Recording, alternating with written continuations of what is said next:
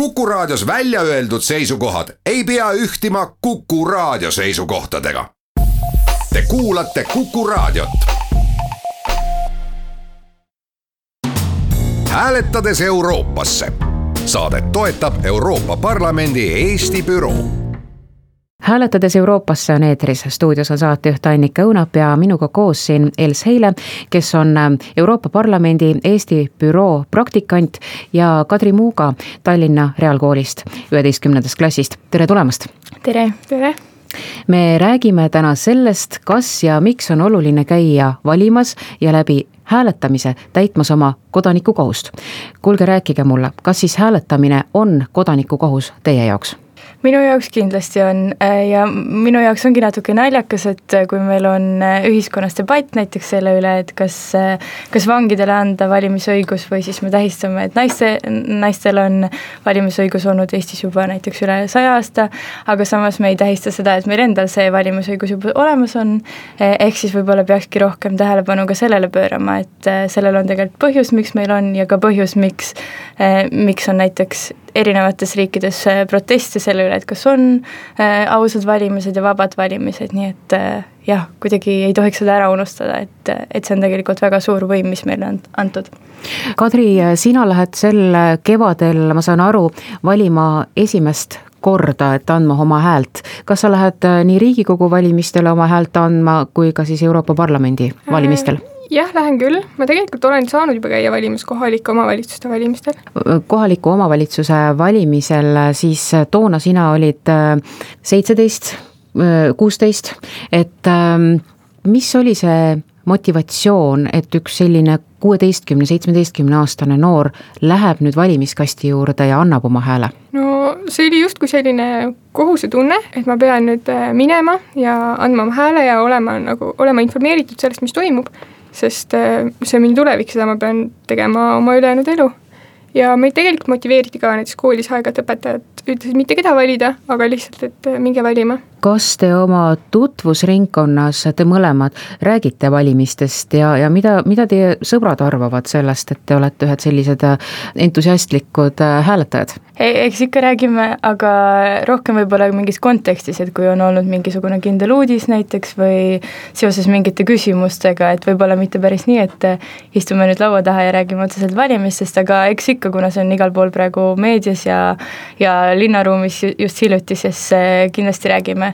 aga mulle tundub, et pigem ei olda võib-olla väga julged valima minema, selles mõttes, et arvatakse tõesti, et ei teata siis, kelle poolt valida või või millised küsimused oleksid need kõige olulisemad, aga aga eks ikka nagu üritatakse hoida ennast kursis ja, ja teha siis lõpp, lõpuks ikkagi see valik.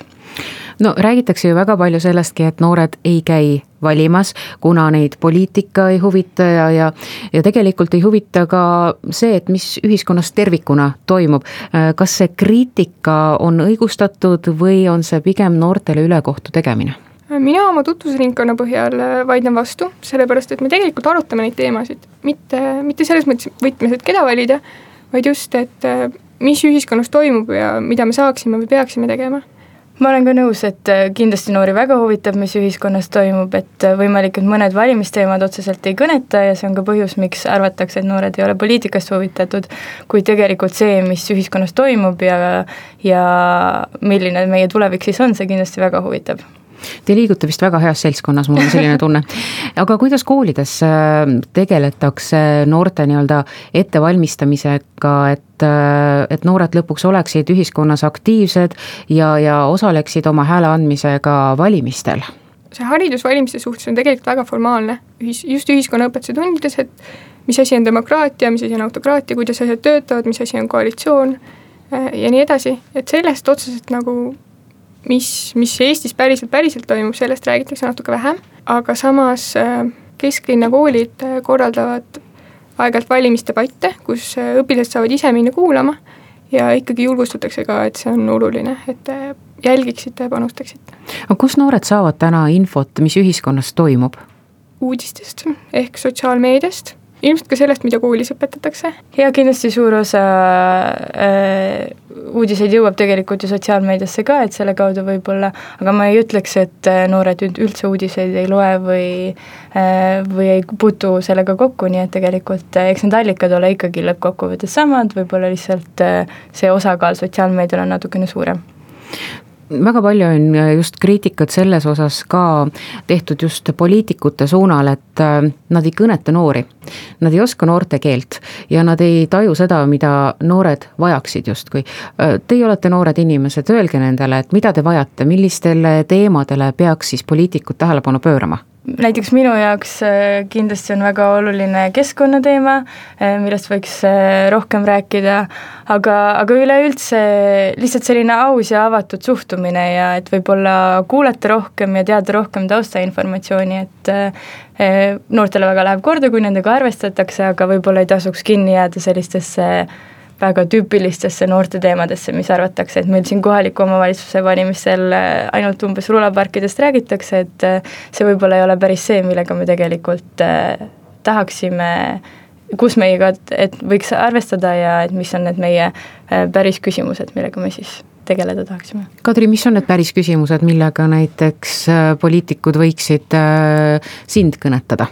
minu jaoks kindlasti keskkond aga jah, samamoodi, et need küsimused, mis on ühiskonnas ikkagi olulised, et lihtsalt äh, mina ja meie kui noored ootame kuidagi selget argumentatsiooni ja mõistlikkust selles suhtes no te olete öelnud nüüd välja mõlemad, et äh, te lähete kevadel valima nii Riigikogu valimistele kui ka siis Euroopa Parlamendi äh, valimistele. aga kuidas te kujundate oma arvamust, kelle poolt siis oma häält anda? Ehm, läbi uudiste kindlasti, eh, siis kindlasti vähemalt mina proovin hoida silma peal, mis on ka eelnevatel aastatel eh, toimunud, et eh, siis nii-öelda natukene võib-olla tagasivaatavalt ka, et ma tean tegelikult, et need, kelle poolt ma hääletan, on, on sellised, kes, kes ka hoiavad oma lubadusi või on siis, või on siis vähemalt väga ausad oma tegemistes. et üritan kindlasti seda meeles pidada, et ei oleks võib-olla viimaste aja, viimaste aegade ütlemised ja teod ainult, vaid natukene pikemalt ka tagasi vaadates. no ma, Els, saan aru, et sinul on see nii-öelda kogemuste pagas natukene laiem kui siin Kadril hetkel, et mm -hmm, sul on mm -hmm. olnud võimalus osaleda ju mitmetel kohalikel valimistel hääle andmisega. Mm, kuid nüüd äh, Kadri, et äh, kui sina just nagu tuled siia nii-öelda täiskasvanute maailma ja hakkad kõike seda jälgima, mis siin siis toimub, äh, siin poliitikute lubadusi ja, ja ka võib-olla siin noh, ma ei tea, kui palju oled sa siin vaadanud ja, ja uurinud seda, et mida nad siin varasematel aastatel lubanud on või siis ka teinud on, et kuidas on tunne nüüd esmavalijana minna Riigikogu valimistele ja Euroopa Parlamendi valimistele nii-öelda justkui nagu tühja lehena? no see ongi väga raske. mina lähtun põhiliselt äh, maailmavaatest, ma mõtlen nagu millised erakonnad, millised suunad on minuga sarnase maailmavaatega. noh, see ongi raske, ma kujutan ette, et me kõik, kui me esimest korda valima lähme, oleme väga mõjutatavad äh, erinevate inimeste poolt ja siis tuleb lihtsalt lugeda ja uurida. kes on teie mõjutajad? vanemad, sõbrad. jah, vanemad ja sõbrad ka kindlasti, aga jah, võib-olla mul tõesti on selles mõttes olnud natuke rohkem neid valimisi, et, et siis on juba enda arvamus võib-olla rohkem äh, kujunenud, et äh, vanemate sõprade kaudu on võib-olla hea lihtsalt peegeldada ja natuke teisi arvamusi ka näha, kui need alati kokku ei lähe ja lõppkokkuvõttes on ikkagi minu valik see, kelle poolt hääletada. aga teeme saatesse pausi, pärast mida räägime üleskutsest Seekord lähen valima. hääletades Euroopasse saadet toetab Euroopa Parlamendi Eesti büroo oleme pausilt tagasi ja jätkame saadet Hääletades Euroopasse. stuudios on saatejuht Annika Õunap ja minuga koos siin Els Heile, Euroopa Parlamendi Eesti büroo praktikant ja Kadri Muuga Tallinna Reaalkoolist. esimeses saate pooles rääkisime sellest, miks noored valimas ei käi. nüüd hakkame rääkima võimalusest vabatahtlikuna ka kaasa lüüa sellises üleskutses, millel nimeks Seekord lähen valima see on Euroopa Parlamendi erapooletu valimiste temaatiline teabevahetuse kampaania ning äh, ka sõltumatu mis tahes poliitilisest erakonnast ning ideoloogiast. et ma saan siis aru, et see pole selline koht, kus üritatakse teha sellist äh, propagandat, kuid äh, mida selle kampaania raames siis teha üritatakse ja kuidas siis vabatahtlikke kaasatakse? Eh, just, see tõesti on erapooletu, et eh, meie jaoks tõesti pole oluline, et kelle poolt siis hääletada, vaid oluline on, et üldse minnakse valima, sest eh, eelmisel kahe tuhande neljateistkümnendal aastal oli siis valimisaktiivsus äärmiselt madal, näiteks noorte hulgas ainult kuusteist protsenti. ja sellest ka see väljend siis, et seekord lähen valima, et olenemata siis, kas on esimene kord või võib-olla eelmine kord ma ei käinud, aga et seekord kindlasti lähen. et meil on veebilehekülg, mis on siis platvorm seekord lähen valima.eu, seal on võimalik selle üleskutsega liituda ja ka liituda siis vabatahtlike tiimiga või tiimiga, kus, kuidas saame koos erinevaid üritusi teha. ja ongi siis vabatahtlikel võimalus kas aidata meid ürituste korraldamisel või, või ise mõni üritus korraldada. või siis teise variandina aidata meid sotsiaalmeedia tegevustes ja üleüldse seda üleskutset veebis levitada. kui hästi see platvorm on tööle läinud, kui palju te juba tänaseks vabatahtlikke enda ümber koondanud olete? Tänaseks on meil umbes viiskümmend vabatahtlikku, et äh, tähelepanu on kindlasti praegu ühiskonnas äh, Riigikogu valimistel, aga, aga me loodame, et pärast seda äh, võib-olla jõuab meile ka see rohkem tähelepanu, aga kuna see ees, kuna see üleskutse on väga selline rohujuure tasandil, siis, siis see nii-öelda pall ongi antud siis tegelikult inimeste enda, enda kätte, et nemad seda sõna levitaksid ja et see kampaania oleks selline või siis üleskutse, nagu nemad tahavad seda näha. selle, sellepärast need üritused näiteks ongi, et äh, inimestel endal on võimalik tõstatada üles need teemad, millest nemad tahavad rääkida või kuulda ja samamoodi levitada siis äh, teistele inimestele, kellel nad arvavad, et see korda läheb ja teha seda omal moel, et see ei oleks et see ei oleks nii-öelda siis ülevalt alla, vaid kõikide enda kujundada. Kui me räägime natukene vabatahtlikust tööst, et millist gruppi inimesi on kõige mõnusam ja mugavam kaasata, et äh, ma kujutan ette sellist keskmist äh, tänapäeva kiire elutempoga tööinimest vist vabatahtlikuks niisama ei värbagi, et äh, et mis motiveerib ühte inimest vabatahtlikuks hakkama võimalik jah, et meil on praegu võib-olla tudengeid ja abituriente ja äh, valimisealisi noori siis rohkem kui, kui võib-olla tööinimesi, aga samas nad ikkagi käivad meie üritustel ja aitavad nõu ja jõuga kaasa. et vabatahtlikuks kindlasti motiveerib üldse selline kogemus, et äh, Euroopa Parlamendi toel saab tegelikult ise korraldada ürituse või sotsiaalmeediakampaania, siis kindlasti on äh, on ka motiveeriv see, et me saame neile ametliku sellise tunnistuse väljastada selle lõpuks, et äh, nad on aidanud siis, kas meid, äh, on siis kampaania assistendid näiteks või meediategevustes aidanud meid. Äh, ja siis Kadri, meie siin ülitubli vabatahtlik näiteks läheb järgmise, ei, paari nädala pärast jah, Brüsselisse teiste vabatahtlikega kokku saama ja seal siis arutatakse, kuidas seda kampaaniat võib-olla veel laiendada või kuidas rohkemate inimesteni jõuda, et selliseid väikseid äh, preemiaid nagu on ka. no ma kujutan ette, et ühe sellise üheteistkümnenda klassi tüdruku jaoks on see Brüsselisse sõit üks, üks, üks väga magus preemia või kuidas tundub? jaa, tõesti on. mida sa ootad sellelt kohtumiselt ja, ja, ja mi-, missuguse pangaga sa loodad nüüd sellise kogemuse pangaga sealt tagasi tulla, et on sul ideid ka, et äh, kuidas äh, siis sellest äh, edasi minna, teha mõni võib-olla üritus siin oma, oma seltskonnale? Kõige rohkem ma ootan ikkagi noh, kogemusi saada, teiste inimestega suhelda, võib-olla näha, näha ja kuulda erinevaid ideid erinevatest riikidest. Ja äh, jah, ja siis nende kogemustega noh, ja nende ideedega, mida saada, siis äh, on juba kergem minna edasi ja mõelda siis äh,, kuidas korraldada mõni huvitav üritus äh, et seda teistega jagada. no kooli võtab ka ühelt noorelt tegelikult äh, väga palju aega.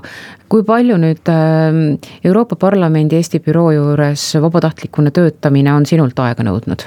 Äh, tegelikult mitte palju, see on pigem justkui selline lisategevus või noh, natuke rohkem nagu vaba aja veetmine, sellepärast et äh, see on uus, see on huvitav ja sellepärast see justkui ei koorma nii palju eks ta ei ole ka selline klassikaline vabatahtlikuks, et me nüüd ootame neid näiteks kolmapäeval kolmest viieni kontorisse, vaid see on ikkagi, igaüks panustab täpselt nii palju, kui oskab või või tal aega on, et äh, isegi mõne sotsiaalmeedia postituse jagamine on meie jaoks juba äh, nii-öelda vabatahtlik töö või selles mõttes, et nad aitavad meil seda üleskutset levitada.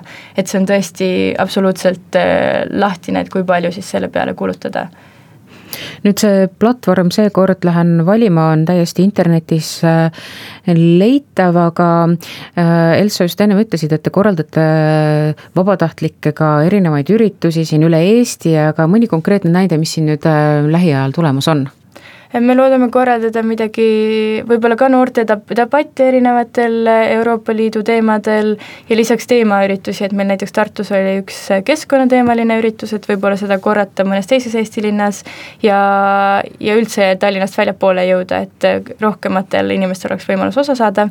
ja aga kõik info on iseenesest seekord lähen valima.eu lehel saadaval, et seal on, seal on võimalik siis anda teada, et kas oled tulemas või ei ja, ja lisaks pärast siis lisainfot saada selle teema kohta või järgnevate ürituste kohta ja, ja lõpetuseks me oleme siin juba mitmes eelnevas saates rääkinud sellest, et ähm, Euroopa Parlamendi valimisaktiivsus pole kuigi kõrge, et äh, te siin mõlemad äh, ise ka rääkisite, et see noorte aktiivsus oli eelmisel korral lausa kuusteist protsenti, et noh, see ei ole kuigi selline number, mille üle uhkust tunda.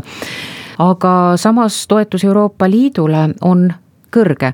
see tähendab, et kui me räägime Euroopa Parlamendi valimistest, siis me räägime sellisest mm, vaikivast toetusest, et kuidas aga jõuda selle tegutsemiseni, et inimesed lõpuks läheksid ja annaksid oma hääle Euroopa Parlamendi valimistel?